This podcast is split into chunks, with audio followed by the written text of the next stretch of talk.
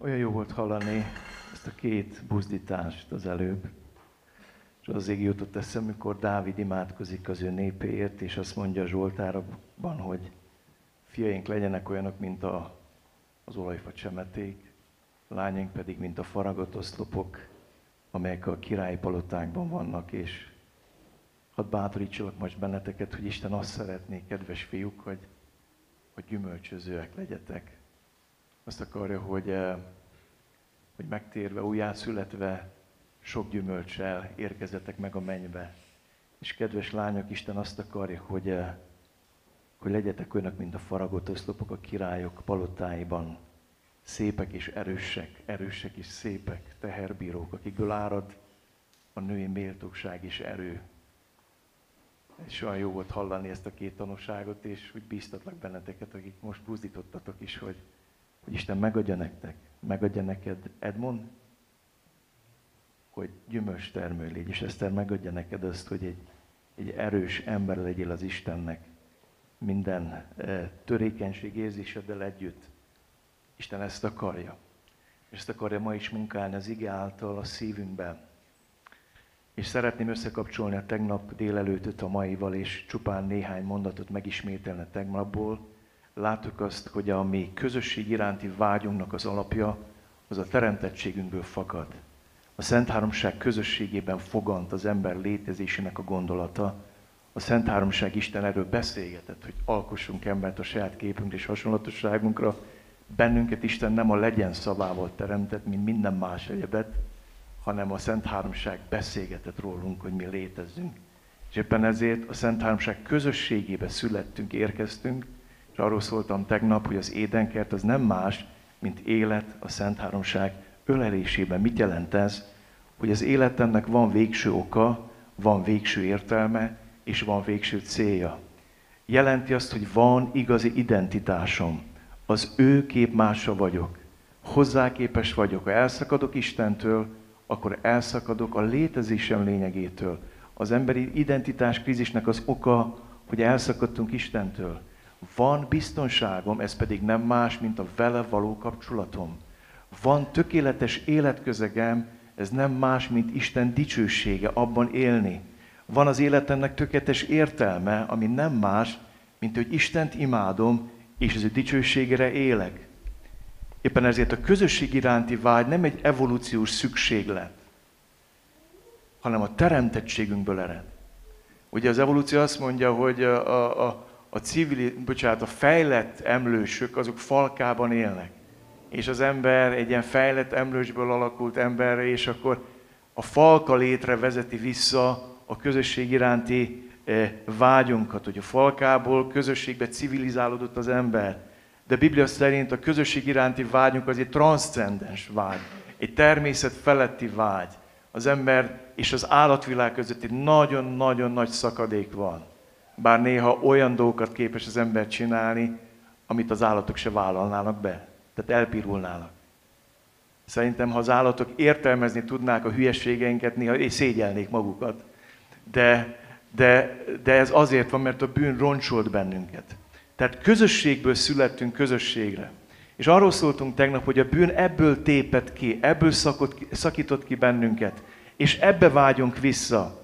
És láttuk, hogy a bűn szembefordított Istennel és egymással, elidegenített Istentől és egymástól, identitáskrizist eredményezett félelmet, rejtőzködést hozott az életünkbe, védekezést, felelősséghárítást, bűnbakképzést, átkot, megélhetés gondja, fájdalom, nemek háborúja ez mind-mind-mind a bűn következménye. És a legnagyobb nyomorúság, hogy ki kellett jönni az édenkertből, mert mi az édenkertet Lidieckerté tettük.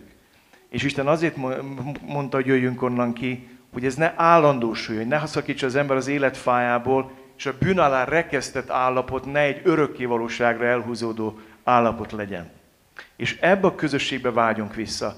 Most csak két ószegységi embert említek meg nektek, és ez már átvezet minket a mai témára, hogy milyen érdekesen gondolkodott Mózes az Istenvel kapcsolatára. Az élete végén ő megáldotta Izrael népét, és miután megáldotta a 12 törzset, mondott egy összefoglaló áldást.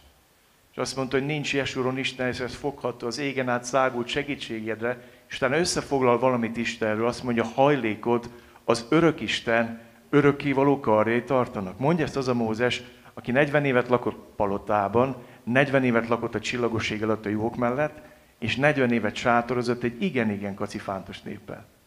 Tehát a 120 évéből 40 eh, évig ő mondhatni hajléktalan volt.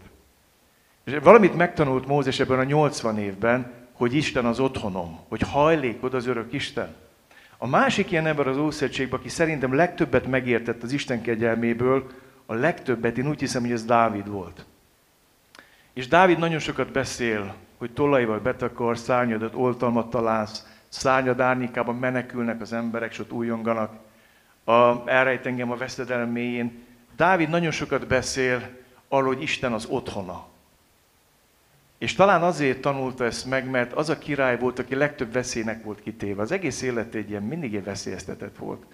Ha gyerek volt, akkor az oroszlánok a medvék miatt, ha kamasz volt, akkor Góliát miatt, ha Saul árnyékában élt, akkor Saul miatt, ha a filiszteusok ellen ment, akkor a filiszteusok miatt, ha meg lett király lett, akkor meg a fia kergette halára. Szóval egy elég izgalmas élete volt ennek a Dávidnak, és megtanulta azt, hogy Isten az otthonom. És nagyon sokat beszél Isten szárnyáról. Én hallottam erről egy értelmezést, nem tudom, hogy ez megáll a helyét, hogy állítólag ő egy másfajta sátot állított fel, nem a Misko, Miskont, ami a, a, az Ószegység találkozás sátra volt, hanem az Óhért, ami állítólag egy nyitott sátor volt, és amikor mentek az emberek imádni az Istent, akkor rásütött a napfény, és a kerubok szárnya árnyékot tartott azok felett, akik egész közel voltak hozzá.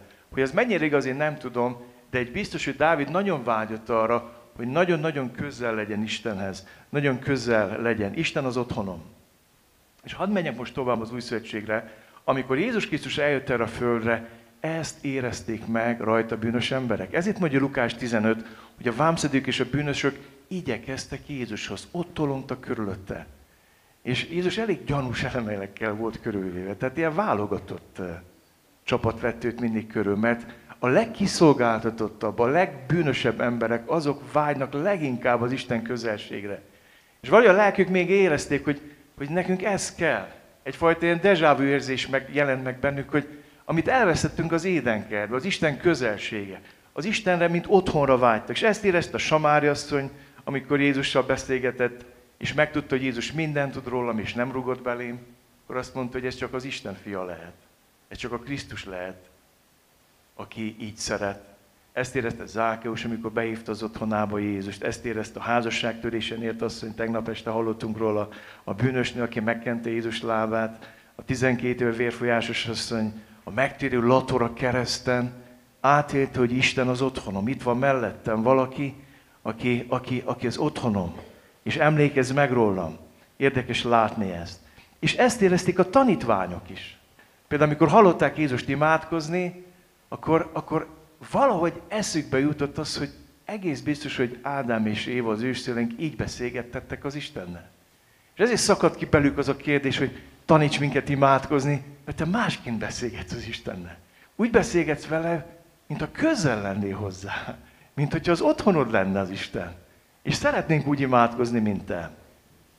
És tegnap arról szóltunk, hogy Jézus nagyon sokat tett azért, hogy visszakerüljünk a Szent Háromság ölelésébe, az történt, hogy eljött ebbe a világba, és ott a Golgotai kereszten kiszakadt a Szent Háromságból egy rövid időre, magára a bűneinket, a betegségeinket, olyan szinten, hogy azt mondja Jézus 50, hogy utált volt és megvetett. Ne, ne, nem tudtunk ránézni, olyan csúnya volt, olyan borzalmas volt. És nem azért, mert ő csúnya volt, és így hogy nem a sebek miatt és a megkínzás miatt, hanem a bűneink tették őt csúfá torzították őt el. Olyan szinten, hogy utálatos volt. És ez nagyon érdekes dolog, amikor a bűnbánat Isten elvezet téged oda, hogy a saját bűneidet meglátod a Golgotai kereszten. És akkor jutsz -e oda, hogy a zsidók eljutottak, hogy kígyó mart őket, meg kígyóra kellett nézni. Bennünket a bűn mart meg, és Krisztusban meg kell lássuk a bűneinket a Golgotai kereszten. És akkor történik meg az a Golgotai csere, amire szükségünk van, és akkor tudjuk igazán ennek ezt a dalt, hogy sosem fogom megtudni azt, milyen nagy volt az az. Az ének nekem nagyon sokat jelent, mert mindig arra emlékeztet, hogy hogy milyen sokat tett Jézusért, és soha nem fogom megtudni. Hogy nekem csak a saját bűneim is épp elegek ahhoz, hogy ne bírjam elvinni, de milyen lehetett neki, amikor a világ összes bűne rákerült. És egyszer én ezt New Yorkban egy ifjúsági találkozón értettem meg, ott is voltak ilyen kérdések, és egyszer kaptam egy ilyen listát 15 kérdéssel, és azt mondták, hogy másnap nem kell tanítsak, csak kérdésekre válaszolni. Nem mondom, ó, hát ez... Majdnem semmit nem aludtam aznap éjszaka, míg átgyötörtem magam a 15 kérdés. És volt benne egy olyan kérdés, amivel nagyon nehezen birkoztam. Az a kérdés volt, hogy Jézus hogy tud megérteni engem, hogyha nem volt meleg? És akkor két kérdés volt bennem, hogy mi van, hogyha ő most polgárpukkasztásból tette fel csak ezt a kérdést, de mi van, hogyha tényleg küzd ezzel ez a fiatal? És erre válaszolni kellene őszintén. És ott gyötrődtem, és mondtam, hogy uram, nem tudok mit mondani erre a kérdésre. Hát tényleg nem voltál az. És akkor elém hozta Isten a korintusi levélből azt az igét, hogy Isten azt, aki bűnt nem ismert. Folytasd, bűnné tette, értünk, hogy mi Isten igazsága legyen őben. Isten igazság legyünk ő benne. És akkor eh, arról beszéltem, hogy Jézus volt tömeggyilkos, volt pedofil, volt meleg, volt leszbikus, volt homoszexuális, volt minden. Mert az ége azt mondja, hogy Isten azt, aki bűn nem ismert, bűnét tette értünk. És azt éreztem, hogy ott azon a ponton kiárat Isten szelleme, akkor megértették a fiatalok, hogy Jézus a Golgoté kereszten mindenné vált, értünk és miattunk. És ezt megértett, hogy Jézus mindenné lett ott a Golgoté kereszten, akkor azt is el tudott hinni, hogy bármilyen mélységből, nyomorúságból ki tud téged hozni. Amen. Nagyon fontos, hogy ezt elhidd. És így érkezünk el a mai igénkhez és a mai történethez, hogy amikor Jézus meghal a kereszten és föltámad, és ezzel mondjam két nagy pillér, Isten válasz a bűneink a kereszt, Isten válasz a bűn következmény a halálra, a nyitott sír a feltámadás, ő föltámad, itt él a földön egy darabig, aztán elmegy a mennybe. És elküldi pünköskor a szent lelket. És pünköskor két nagy dolog történik. Az egyik dolog, hogy kitöltetik a Szentlélek minden testre. Azt mondja, kitöltök az utolsó napokban minden testre. Fiatalokra, idősekre, férfiakra, nőkre, fiúkra, lányokra, de akik hisznek Jézus Krisztusba, azokra nem csak kitöltetik a Szentlélek, hanem azokat be is tölti a Szentlélek. Ezért a mi hitünk egy szent háromságos hit. Isten, ami mennyi apukánk, a teremtőnk és gondviselünk, Jézus a szabadító megváltunk, és a Szentlélek a bennünk lakozást vező Isten. És nagyon érdekes látni, hogy Isten úgy döntött, hogy elküldi a szent lelket nekünk. És a szent lelknek nincsen teste. És nagyon furcsa, amit mondok nektek, én úgy hiszem, hogy ma a gyülekezet a szent lelknek a teste. Tulajdonképpen, amikor betölt téged a Szentlélek, neki nincsen szája, keze, füle, szeme. Betölt téged Isten szelleme, akkor téged a Szentlélek templomává tesz. És ezekből a templomokból, ezekből az élő kövekből Isten felépíti azt az egyházat, amin keresztül megjelenik Krisztus ma testben a világon. Most fenn van a mennyben, közbeáll, értünk, képvisel minket az Atya előtt, de betöltött minket a Szent Lelkével. És olyan érdekes látni azt, hogy nincs a Szent Lelknek teste, de dolgozik az egyházán keresztül, gyülekezeten keresztül. Ezért olyan fontos ma, a gyülekezet, az egyház jelenléte. Mert azt mondta Géza bácsi, az egyház lehet Isten legnagyobb eszköz ebben a világban, meg Isten legnagyobb akadály ebben a világban. Nem tud semleges, olyanok, mi is, olyanok mi, mi is, mint a zsidó nép. Ők nem tudnak vagy antireklámi az Istennek, vagy reklámi az Istennek. Tehát nem tudnak a kettő között ott lenni. És úgy vagyunk mi keresztjének is, vagy hitelesek vagyunk, és megjelenjük Jézust ebben a világban, mint gyülekezet, szentek közösségeként, szentek közösségeként, és a gyülekezet a Szentleknek egy olyan teste lesz, ami felragyogtatja Krisztust ebben a világban, bemutatja ebben a világban. És egy olyan égét szeretnénk ma veletek átnézni, ami a pünkös díge, legvége. Hogy nézzük meg, hogy milyen az, amikor Szentlélek betölti az egyházat, és ragyog a Krisztus az egyházban. Milyen, amikor szentek közössége, tényleg szentek közössége. És mielőtt még olvasnám az igét, tudom azt, hogy a teológián nekünk is tanítottak ilyet, hogy hát itt az egyház még ilyen embrionális formában volt, és hát még nem alakultak ki a... Hát még nem nőtt fel, kisbaba az egyház, ugye? Még alig született meg. És hát majd aztán felnőtt az egyház, ne? És erre csak azt szoktam mondani, hogy nekem inkább egy élő kisbaba kell, mint egy halott felnőtt. De, de amikor azt mondják, hogy át, ez, ez, ez nem lett, ez egyszer volt, és azóta se volt, és ez akkor volt, sokan ezt mondják teológiai tanárok, hát nem a, nem a miénk. csak, csak némelyek mondják ezt is, tanítják ezt. Úgy szeretném, hogyha megértenétek, hogy ez nem egy utópia, amit most felolvasok nektek, és azért imádkoztam, hogy mikor olvasjuk ezt az igét, akkor megint tudjuk levetni az összes prekoncepciónkat, eddigi gondolkodásunkat, és kérjük azt, hogy drága Szentlek, jöjj, és beszélges velünk. Mutasd meg nekünk, hogy mit szeretném mondani. Abcsel 2, 41-től 47-ig. Abcsel 2, 41-től 47-ig. És akkor szeretném majd ezt az igét kibontani.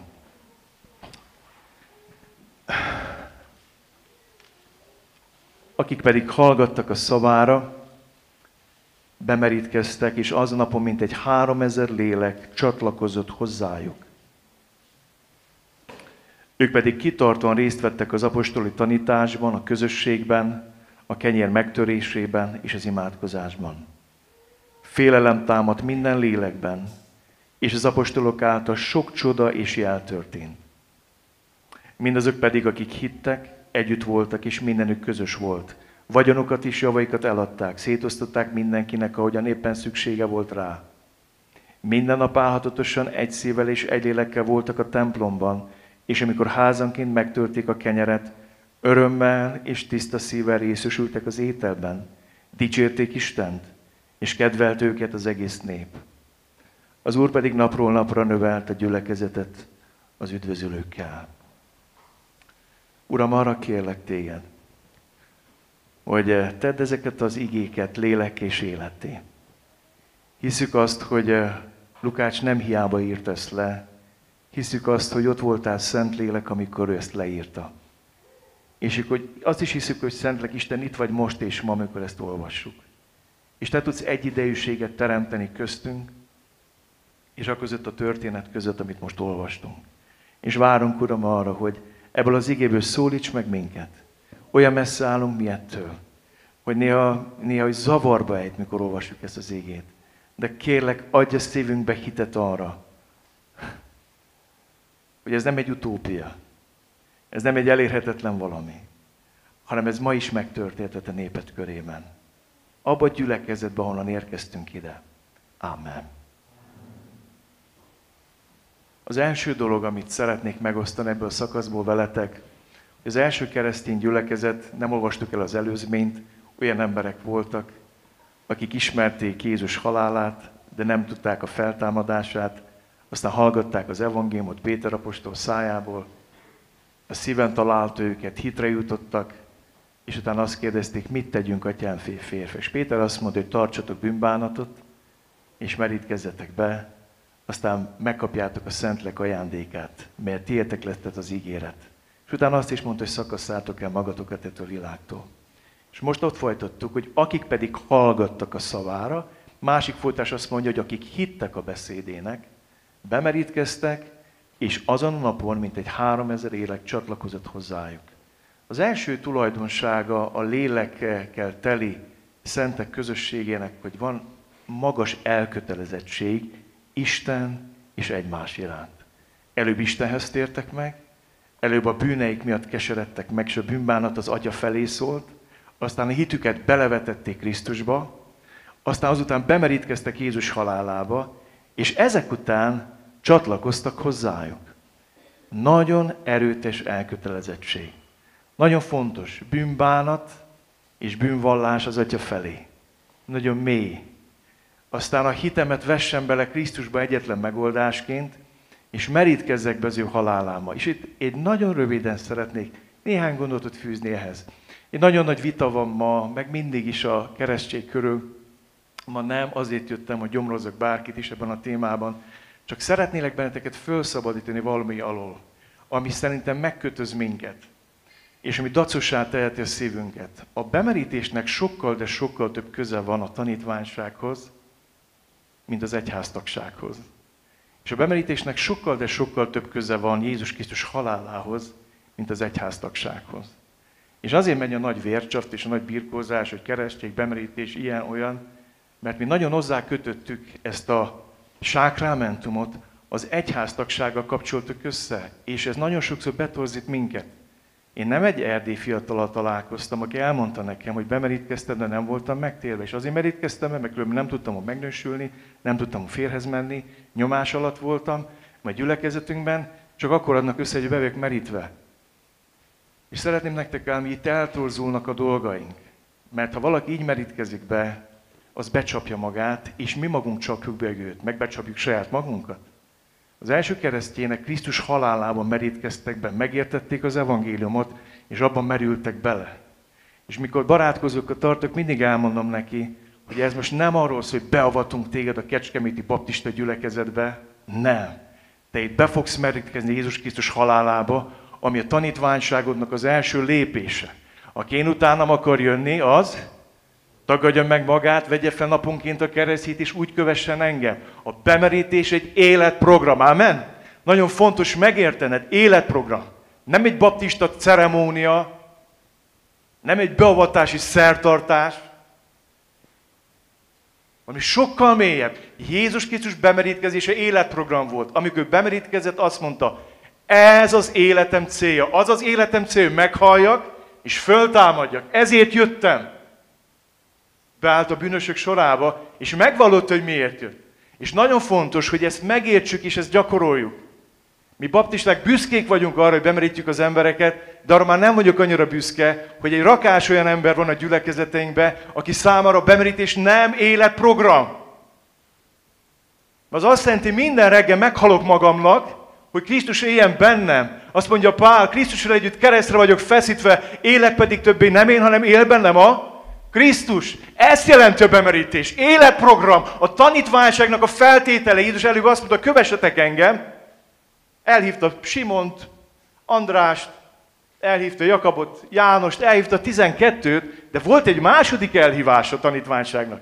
Mikor megkérdezte, hogy kinek mondotok engem, akkor Péter kimondta, hogy te vagy a Krisztus, az élő Isten fia. És azt mondta, hogy oké, okay, most már tudjátok, hogy ki vagyok, akkor elmerem nektek azt is mondani, hogy miért jöttem.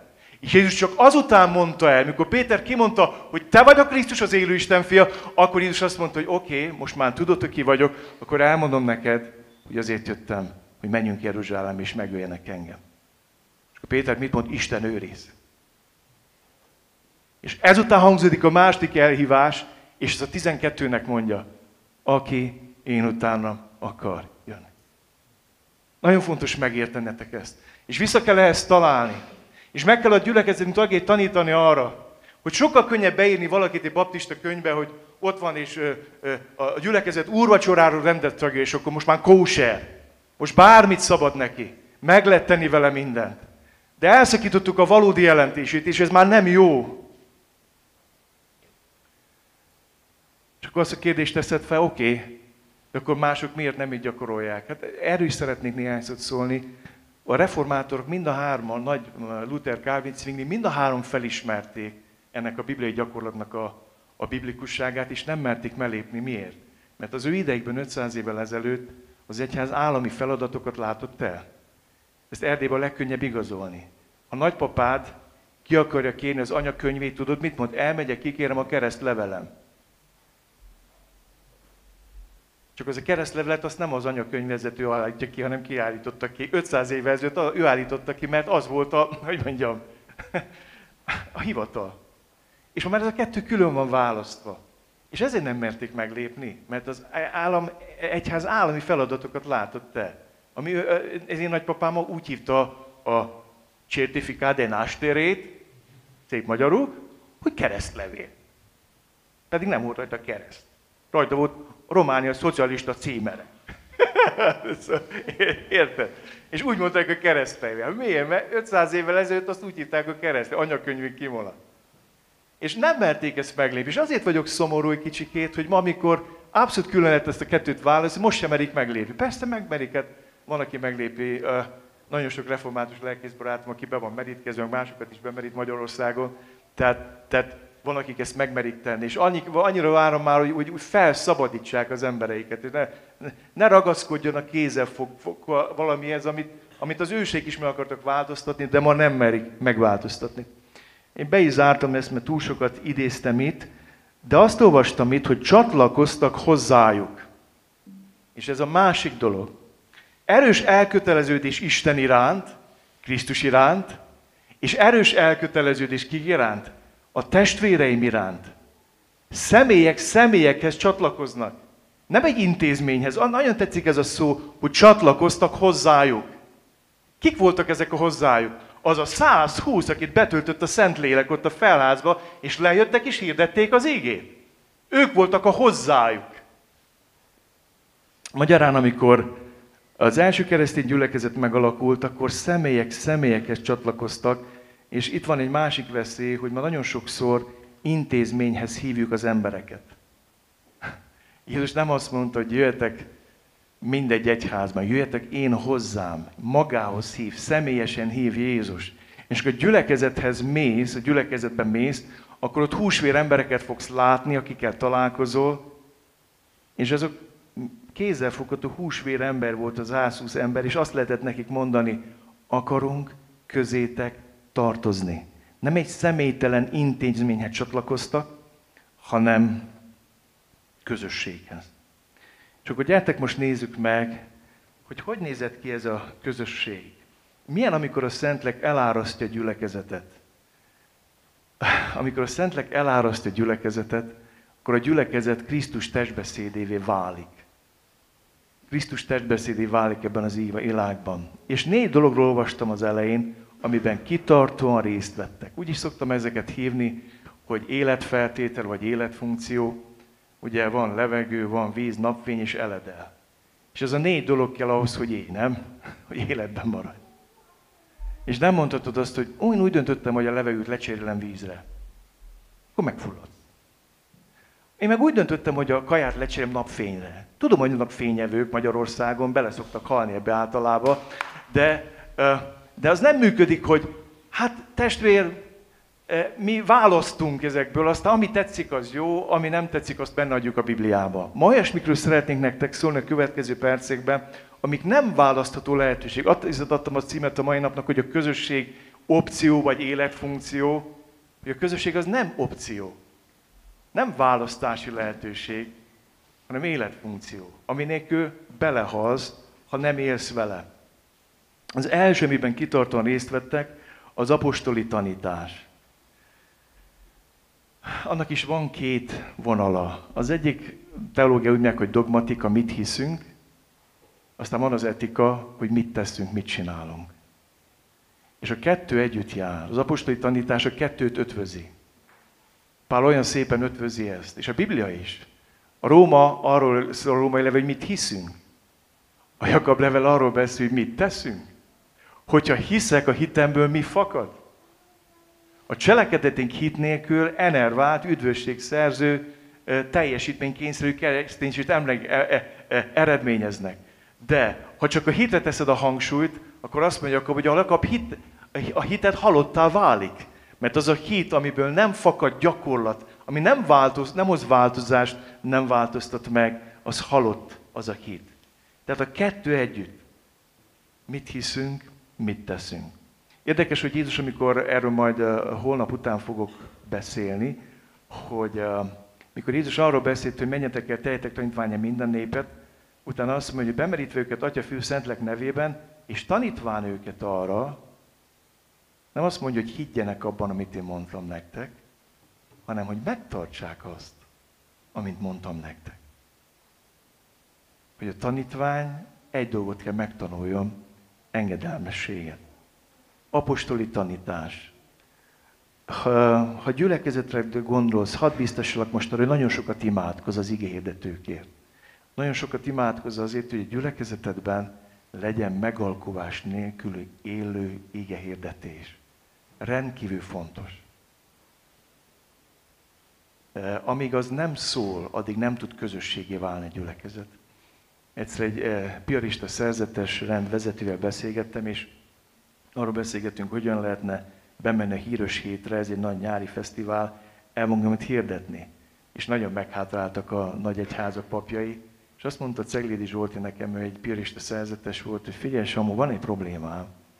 Ha megtérnek az emberek kin a főtéren, én nem tudom őket hozavinni, hoza, hova vinni, mert nálunk nincs közösség. És kétségbetessen feltette a kérdést, hogy mit tegyek azért, hogy legyen közösség. És mondtam neki, hirdesd az evangéliumot megalkovás nélkül. Ha ezt teszed, meg fognak térni az emberek. Ha megtérnek az emberek, lesz közösség. Nagyon fontos látnunk ezt. Kitartóan részt vettek az apostoli tanításban. Imádkozottak az ige hirdetőikért. Imádkozottak azért, hogy minden vasárnap legyen élő íge az asztal. Amikor az emberek elmennek, legyen számukra táblálek Isten ége. Megyünk tovább. Kitartóan részt vettek a közösségben. Amikor házanként megtörték a kenyeret, örömmel és tiszta szívvel részesültek az ételben. Úgy tűnik, hogy az első keresztény gyülekezet a házi gyülekezetek gyülekezete volt mivel nem volt még saját infrastruktúrájuk, nem volt imaházuk, egyszerűen találkoztak a Salamon csarnokában tömegesen, ez volt a nagy ünnep Isten tiszteletük, és találkoztak házanként. És itt szeretnék egy ígére kitérni, ha ketten vagy hárman az én nevemben összejönnek. Ez nem varázsége. Sok gyülekezetben voltam, ahol vágni lehetett a levegőt, annyira fagyos légkör volt. Tele voltak konfliktusokkal, haragudott mindenki mindenkire, és azt mondták, Úr Jézus, te megígérted, hogyha kettő vagy hárman összülünk a nevedbe, akkor ott vagy közöttünk. És képzeld, az ő is nem fog eljönni azért, mert mi varázsolunk. Tehát hadd mondjam nektek, ez egy ígéret, de nem varázsége. A szomorúságom az, hogy konfliktussal terhelt kapcsolatokban mi hivatkozunk erre az ígér, és azt higgyük, hogy oda tudjuk kényszeríteni Jézust közénk. Ez nem egy varázsége. Ha ketten vagy három összeztek az én nevemben, egy ígéret, amit be lehet kapaszkodni, de nem tudjuk oda kényszeríteni Jézust. De ott van az ígéret ennek. És hadd szóljak itt nektek, hogy ez egy nagyon fontos dolog. Mi most búcsúztunk el egy olyan férfitől a gyülinkben, aki három, pontosabban két éve gyülekeztünk tagja. A 40 évéből 21 évet töményen szétkábító ezt, ezt az életét, olyan szinten, hogy hatszor volt műtve a két karja, mert már nem tudta hova adni az injekciókat, már homlokába adta a kábítószert, és emiatt elvették tőle a gyermekét, és kikötött rehab intézményekben, és Isten rátalált, és megkönyörült. És azért jött csak Kecskemétre, hogy egy gyülekezetbe kerüljön, és akkor szereztünk neki egy albérletet jutányos áron, és a legfontosabb, hogy volt mellett egy házi csoport. És annyira megváltozott az élet, hogy kijöttek a gyámügytől, megnézték az otthonával, és visszakapta a gyermekét, a 7 éves kislányát. És tudjátok, hogy ez egy nagy kihívás. Képzelj el valakit, aki totál szét volt roncsolódva. Testvérezik, testvér adott neki munkát a gyülekezetünkből, de mögötte nem áll egy kis csoport, akkor nem biztos, hogy megmarad a hitében.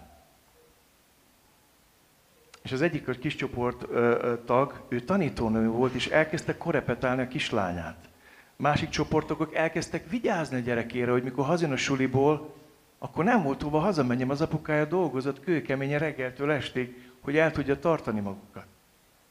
És körülvette őket egy házi csoport. Minden szeretettel. És az, egyik a gyereket korepetálta, vigyázott rá, mások segítettek, nagyon sok mindenben vették őket körül.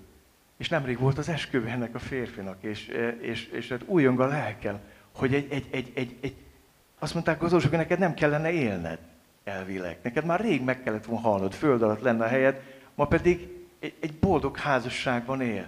Most búcsúzott el a gyülekezetünktől, mert oda költözik, a felesége lakik. És olyan érdekes látni Isten munkáját. Amikor a közösségről beszélünk, akkor az, az nem azt jelenti, hogy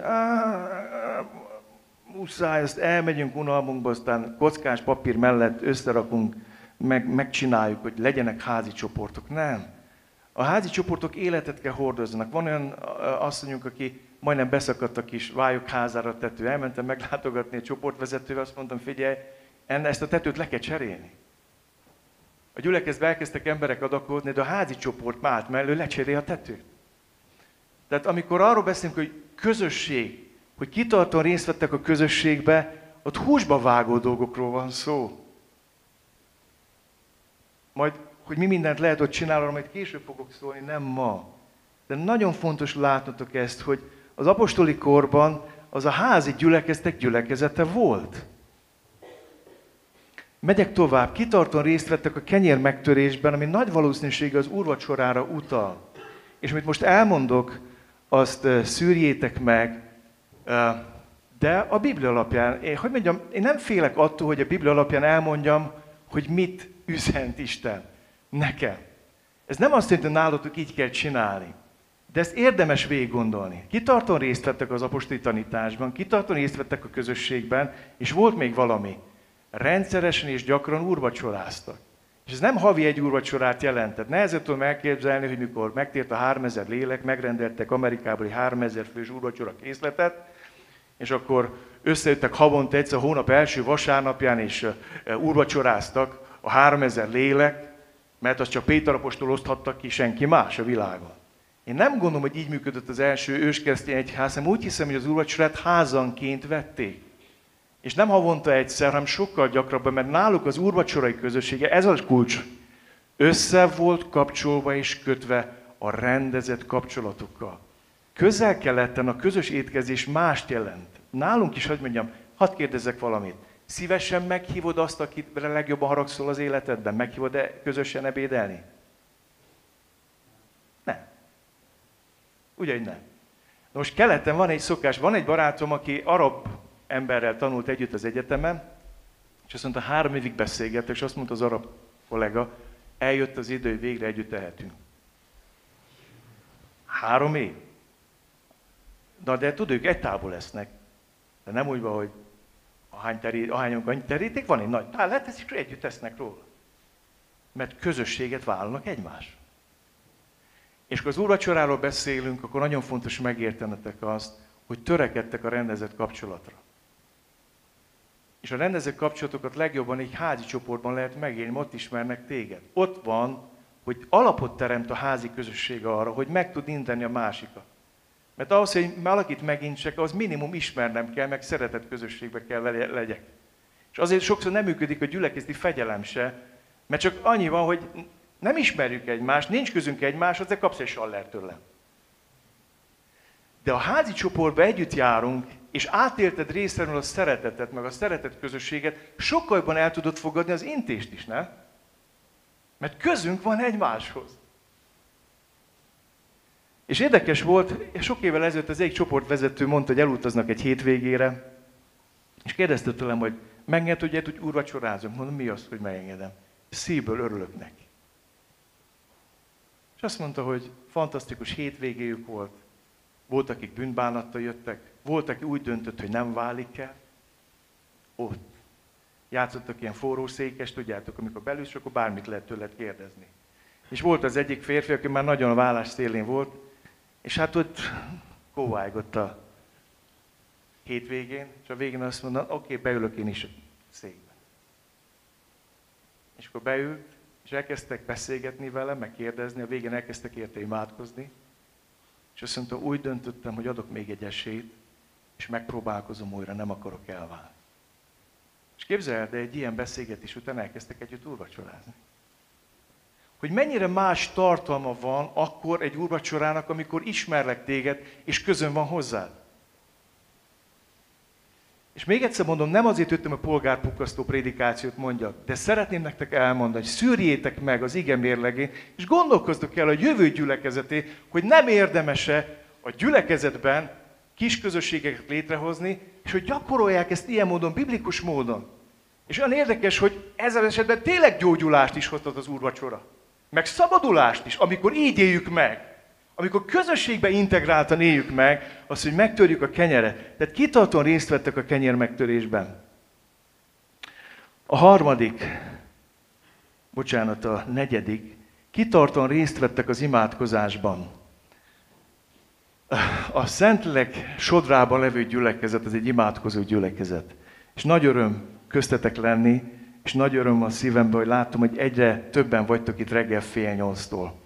Arra bíztatlak benneteket, hogy hogy, hogy nagyon fontos megértenünk azt, hogy nincs élet imádság nélkül. Már lehet sokszor hallottátok tőlem, hogy az imádság olyan, mint az áramszedő a villanymozdonyon. Hogy ez igen picike, jelentéktelen kis kar. Gyerekkoromban szerettem nézni, amikor behúzza a csápot, aztán kezdik kiengedni a csápot. És mikor elkezd közelni magas feszültséghez, ez egy nagy szikra és csattanás. És a kettő találkozik, akkor felbőgnek a motorok. Én nem az ima erejében hiszek. Én az Isten erejében hiszek, ami az imádságon keresztül jön le az egyházba. És nagyon fontos megértenetek azt, hogy egy gyülekezet olyan mértékben is addig él, amíg és ahogy imádkozó gyülekezet. Vagy olyan, mint a fűtőház. Egy picike szoba az imaházunkban. De ha ott nem dübörög a kazán, akkor megfagyunk télen. És hadd mondjam nektek, a gyülekezeteinkben meg kell erősíteni az imádságot. Jim Simbal a könyvét ajánlom a figyelmetekbe, a Free Steel, Free Tűz, az egyik legnagyobb bátorítás az élet az imádságra. Egy olyan lerobbant gyülekezetet vett át az apósától, ahol a pénztáros lopta a gyülekezet pénzét. És a számláikat nem tudták már kifizetni. És akkor elment egyszer megkérdezni Istent, hogy Uram, mondd meg, hogy mit tegyek, hogy változás legyen. Azt mondta az Isten, ha megtanulsz imádkozni, és megtudod a gyülekezetet imádkozni, akkor meglátod azt, hogy én mit vagyok képes tenni a gyülekezetért. És úgy ment haza. És kérdezték, Cimbala testvér, mit mondott az Úr? Nagyon egyszerű dolgot. Nem vasárnap lesz a gyülekezetünk fő fokmérője, hanem a kedves téma közösség. Ezt azóta is megőrizték, elmentek Brooklynba a keddeste, akkor 30 jöttek össze, most 4000 ember imádkozik a 10 tagú gyülekezetért minden ketteste. Valami észbontó imakatlan van ott, mikor azok elkezdenek imádkozni, mondjuk feketék a nagy részük, tehát mikor ők imádkoznak, akkor megemelkedik a kupola. szóval nem úgy imádkoznak mindig, kicsit másképp.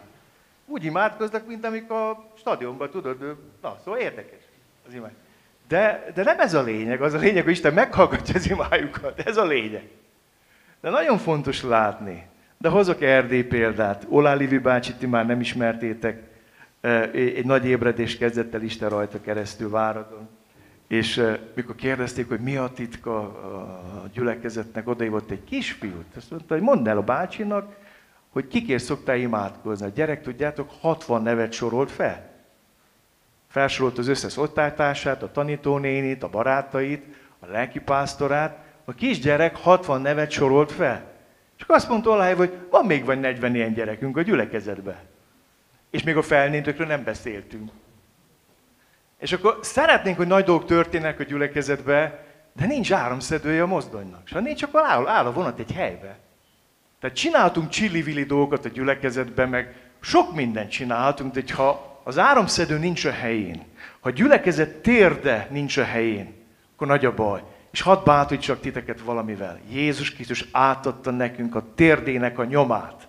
Azt mondta, hogy eddig én kértem az atyát, de most én elmegyek, és ti beletérdelhettek az én térdem nyomába, ahol én, ahol én térdeltem.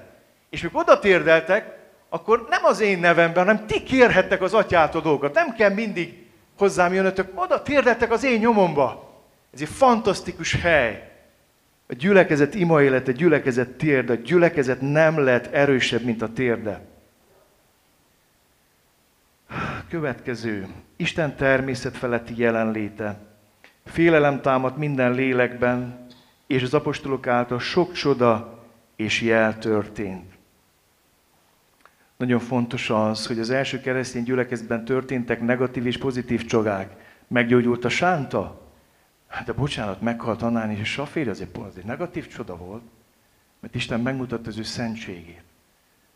És higgyétek el, hogy nagy szükségünk van ma is. Nem a csodákat hajkurászni, hanem vágyni és szomjazni Isten természet feletti jelenlétére. Az emberek sokkal nagyobb bajba vannak annál, mint hogy beérhetnénk enélkül az erő nélkül, ami a mennyből száll le. Nagy bajban vannak az emberek, akik jönnek a gyülekezeteinkbe. És nagy szükség, hogy Isten ereje kiáradjon az Isten tiszteletekre. Azt olvassuk, azt mondja Pál, hogy ha mindenki profétál köztetek, akkor mindenki megítélenek az embernek a gondolat, és ő arcra borulva hirdeti azt, hogy közöttetek van az Isten. Tehát amikor csodákról beszélünk, akkor nem mindig arról van szó, hogy kinő a lába, meg, meg rövidül, meg mit tudom, mit csinálnak. Némek mondták, hogy túlságosan kiütött, azért imádkoztak, hogy visszanőjön. Tehát nem ezekre a érdekes történetekre gondolok, hanem arra gondolok, hogy amikor, amikor Isten lelke kiárad, akkor a bűnbánat lelke kiárad, az emberek felismerik, hogy köztünk van Isten. Aztán a Szent Háromságos Isten tiszteleteknek ez a lényege. Volt az a játék gyerekkorunkban, nem tudom, lehet, hogy már nem kinőttétek ezt, megálltunk az iskolódban, és mind néztünk egy helyre. Egyre többen álltak körénk, nézték, hogy mit néz. És már jó, hogy elege voltak, vagy 40-en, kérdezték, hogy mit nézek, semmit. Na most, ez egy játék. És nagyon buta példa, de mégis valamit el akarok mondani nektek. Amikor egy gyülekezetbe bemegy egy nem hívő, és ott azt látják, hogy nem a semmit nézik a hívők, hanem az arcukat mind fölemelik az Istenre. És egy szívvel, lélekkel imádják az Isten. Ahogy Pál imádta a börtön, úgyhogy megrendült a hely. Akkor a nem hívők, tudod, mit csinálnak? Elkezdnek arra fele nézni, amire mi is nézünk. De ha mi a semmit nézzük, és olyan sokan a semmit nézik egy-egy Isten tiszteleten, a pogányok a semmit fogják meglátni. De hogyha mi tényleg Jézusra emeljük a tekintetünket, és azt mondjuk, hogy mind az uruk, a szolgák az uruk kezére, úgy nézünk mi rá, és várjuk azt, hogy kinyújtsd a kezed, és elkezd cselekedni ma köztünk, akkor érdekes dolog történik. Ez csak elkezdik ők is oda nézni, és azt mondják, hogy az Isten biztos, hogy létezik, ha ők őt nézik. És a gyülekezet elkezd az, az emberek szemét Istenre irányítani. És hitre juthatnak az emberek. Már csak három dolog van, amit szeretnék ebből az ígéből megosztani. Úgy fogalmaztam meg, hogy szociális érzékenység. Mindazok pedig, akik hittek, együtt voltak, és mindenük közös volt. Vagyonokat és javaikat alatták, szétosztották mindenkinek, hogy éppen szükség volt rá. Néhány fejezettel később azt olvassuk, senki sem mondott vagyonából semmit a magáénak. József egy ciprusi lévita eladta a földjét, elhozta az árát az apostolokhoz, és azt mondta, hogy ezt osszátok szét a szegényeknek. Uh, és tudom, hogy ez egy nagyon kényes kérdés, és ez nem egy általános gyakorlót volt ez egyházban, de valamit, a lényeget kéne megérteni. Valószínűleg nem adtak el mindent, mert házanként találkoztak, nem? Tehát nem kommunába jöttek, ebbe egyezünk meg. Tehát az otthonukat nem adták el. Akkor mit jelent az, hogy eladták? Tudjátok, mit jelent? És a követ, ez megmagyarázza. Senki sem mondott vagyonába semmit a magáinak. Ez a kulcs. Ez egy többenetes dolog. Hogy például Barnabás, mikor látta a gyülekezet szegényeit, és tudta, hogy van egy nagy telke, és azért nem csinál semmit, akkor nem tudta magát, nem tudott nyugodtan élni addig, amíg azt el nem adta, mert azt mondta, hogy a földem az Istené. És fontos megértenetek valamit, azt mondja Pál, hogy előbb magunkat kell Istennek adjuk, és a gyülekezetben nem fogadunk el csak olyanoktól sem, anyagi támogatást, akik már magukat odaadták. Volt egyszer egy élményem, egy vállalkozó még nem volt megtérve, csak járt a gyülekezetünkbe, és pont az óvodájú építés előtt voltunk, és hát szükség volt minden pénzre, mert gyülekezet adakozásából épült fel minden.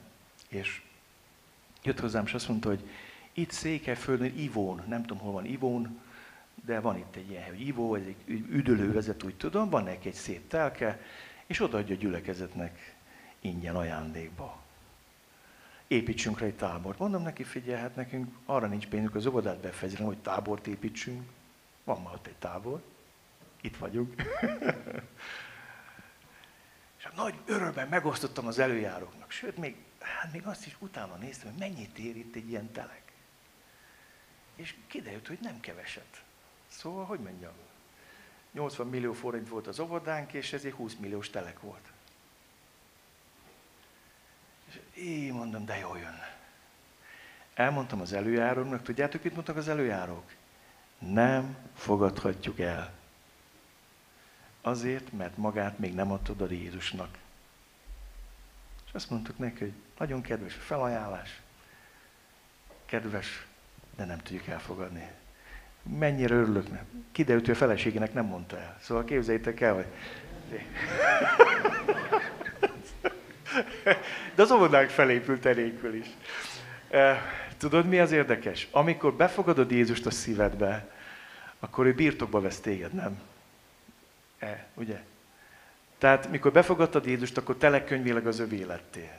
De ő szeretne birtokba is venni téged, nem csak tulajdon jogi lapon. És hogyha az övé vagy, akkor az övé az életed. És övé az, amit van. És hadd mondjam azt, hogy fantasztikus, amikor egy gyülekezetben ez a szociális érzékenység megvan. Egy jövő hét kedden temetek egy nénit, most halt meg 90 évesen. Ő, amit gyülekezetünk dorkásza, úgy hívom. Volt egy gazdag fia, aki mindig ott hagyott neki egy összeget, és az a néni szétosztotta mindenét. Mindig mondta Sámuel, ezt vidd el annak az ügyerekes családnak, ezt vidd el annak a családnak, ezt vidd el annak. Mondom, Irénke néni, hát mi marad neked? Azzal te ne foglalkozz. És volt, amikor a Szentlélek mondta nekem, most nem fogadhatod el. És azt mondja, Irenke néni, nem vihetem el sehova a pénzt, amit most küldni akarsz. Visszamentem egy hónap múlva orvocsát fényni, azt mondja, Sámuel, tényleg az úr szólt hozzá, mert bekerültem a kórházba, és azért ott is működik ez a... Ez a... Ó, nem kérek semmit. ezt, ezt, ezt Erdélyben tanultam. A köpenyben bele van az orvos kezé. Ó, nem kérek semmit. szóval működik a dolog, és, és, és, és meghalt ez a mama. És már tudom, hogy ez lesz az temetésége, a Dorkász ígéje, hogy, hogy elment ez a néni. És ez szétosztotta mindent. Ez tényleg úgy megy el, hogy semmilyen nem volt. Az Istennek egy postársa volt.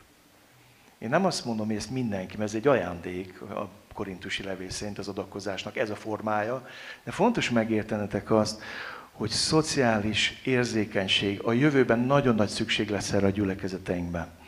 Túl sok ronyrázás látok. Túl sokat.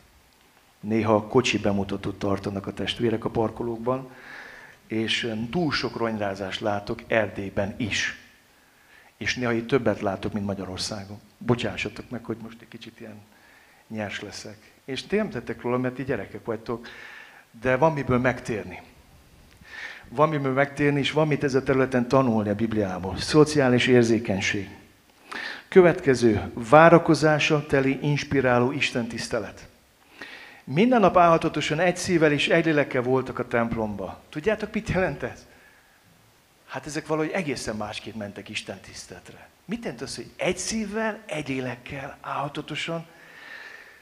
Én úgy hiszem, hogy egy nagy várakozás volt bennük minden Isten tiszteleten hogy mit fog Isten tenni köztünk. És arra bíztatlak benneteket, nagyon sokat imádkozzatok minden Isten tiszteletén. És miután sokat imádkoztatok, utána menjetek várakozással. Majdnem azt mondtam, hogy elvárással. Hogy Uram, én kértem és várom. Én kértem és várom, hogy mit fogsz csinálni. Én nem akarom fénymásolni a vasárnapokat. Én nem akarom, hogy ah, eltelik ez is, ó, xerox. Következő. Nem. Te egy élő Isten vagy. És azt szeretném, hogyha minden vasárnap megmutatnám valamit magadból, abból, hogy te élő Isten vagy. És te tudod, hogy hogy fognak jönni ide az emberek. Érisd meg őket, szabadítsd meg őket. Könyörülj rajtunk, Uram! Van-e benned ilyen szomjúság? Vagy olyan, mert oh, múlt vasárnap is egy nagy fárasztás volt. Jön a következő fárasztás. Cseri Kálmán mondta ezt, hogy egyszer valaki így jött ki, nem az ő templomából, ő is ott állt, jött ki egy fiatal, és hát figyelj, ez egy nagy fárasztás volt. Egy nagy fárasztás volt. Isten jelen van egy gyülekezetben, onnan nem tudnak úgy kijönni az emberek, hogy ez egy nagy fárasztás volt. Imádkozzatok szent háromságos Isten tiszteletét. Imádkozzatok, atyám, mutasd be a te fiad vasárnap. Mondjad, fiú Isten, mutasd meg, hogy te vagy a szabadító. Elment a zsinagógába, ott felegyenset a az, hogy ott kinyújtotta a kezét a száraz kezű férfi. Ott történt valamikor te eljöttél, jöjj el és szabadíts! És Szentlélek Isten dicsőíts meg a fiút, és ragyogtast fel! Ők így mentek Isten tiszteletre. És sokszor hiányzik belőlem is ez. És sokszor vagyok fásult és kimerült. De valamikor az Isten lehajol. Olyan is volt, hogy reggel megmondta, hogy ki fog megtérni. Fél évig imádkoztam valakiért, aki el akart válni, és szerető volt, és csalta feleségét. És azt mondta Szentleg, ma meg fog térni ez az ember. És mondom, uram, mi lesz, ha nem? Azzal nem foglalkozz, ma meg fog térni. És az égét, és hívogattam, és csak ő jött egyedül, és csak ő térdelt le, és csak ő mondta hogy szégyellem magam. És ma ő házi csoportot vezet, és a felesége lelkigozó tanfolyamat végez, hogy tudjanak másoknak segíteni. Úgy szeretném, hogyha megértenétek azt, hogy legyen bennetek várakozás, szomjúság, hogy Uram, cselekedj! És még valamiért imádkozzatok, és ezt munkáljátok. Amikor volt ez a nap, és uh, én úgy terveztem, hogy nem megyek. Direkt ott volt az ifjúsági táborunk, a fiam nem járt ifibe, mondta, hogy eljön velem a táborban, megírtam Viktornak, hogy figyelj, ez most az én táborom, én nem megyek sehova, tarts tiszteletbe. És akkor mind mondta, hogy de gyere, hívja fel, akkor hív, akkor beszélgetni. És elmondta, hogy miért gondolt rám, akkor elvállaltam. És mondtam, Viktor, én nem értek a, szellemi, a marketinghez. És nem is hiszek annyira benne. Én hiszek az ima, imádságban.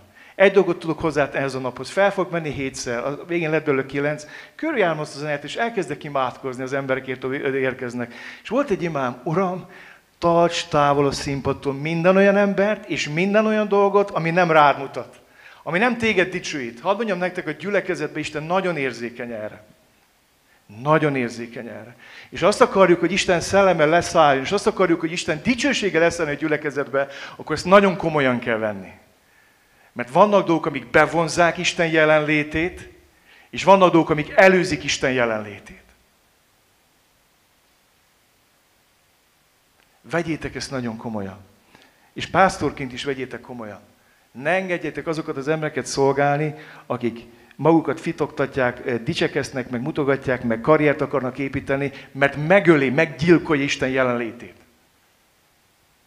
Elűzi. De oda azt, aki a törékeny és is gyenge, de Isten szól által, és használja őt. Nagyon fontos. Utolsó gondolat. Az imádat légkörében ízó gyülekezet, ami magával ragadja a nem hívőket. Dicsérték Istent, és kedvelt őket az egész nép. Dicsérték Istent. És egyszerűen, hadd mondjak valamit. Igen, tudom azt, hogy lesz üldözés, volt, van és lesz, Tudom azt, hogy az ördög gyűlöli az Isten népét. Tudom azt, hogy lesznek az ördögnek csatlósai. És ismerem azt az égét, hogy elküldek benneket, mint bárányokat a farkasok közé, de azért küld el, hogy rájön arra, hogy nem, bár, nem farkas, nem Isten eltévedt báránya. És akkor hirdeted neki az evangéliumot, akkor már nem farkas. És nagyon fontos megértenetek valamit itt ebbe az igébe, hogy, hogy, hogy magával ragadta nem hívőket, és dicsérték az Istent, kedvelt őket az egész nép. Valamit megértettem, hogy a nem hívők nem hülyék. Jó, ez a nagy bolcsességet mondtam. Ők is vágynak arra, ami jó. Nem tudom, elhiszed? A lelkemén ő is vágyik arra, ami jó. Nehogy azt higgyétek, hogy a, aki nincs megtérve, az mindent, mindest olyan romlott, hogy nem tud különbséget tenni az értékes meg az értéktelen között, és nem vágyik arra, ami jó. És akkor látja, hogy Isten népe jó dolgot tesz, azt ő is észreveszi. És az, hogy a növekedett a gyülekezet, az egy következmény volt. Nem cél, hanem következmény. És úgy hiszem, hogy amikor a szentek közössége be belekap Isten szent lelke és, és elindítja őket, akkor a gyülekezet növekedés az nem egy cél lesz, hanem következmény. Az Úr pedig napról napra növelte üdvözölőkkel. Hát nem csoda. Azt mondta, hogy annyira jó, annyira szép. Ebből legyen sok. Nem? Annál rosszabb nincs, amikor egy haldokló gyülekezet növekedni szeretne. Hát mondtam, hogy mit szeretnétek, hogy ennyi veszekedés, meg konfliktus legyen még több. Még több ilyen keresztény legyen, akik eszik egymást, féltékenyek, plegykálkodnak, ebből legyen sok. Az Jézus, ebből ne legyen sok. Gyertek, hajtsunk fel és imádkozzunk.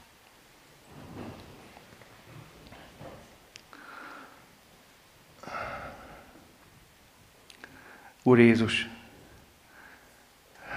fényévekre vagyunk ettől.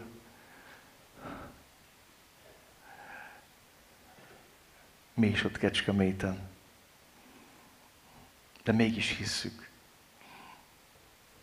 hogy ez nem egy utópia.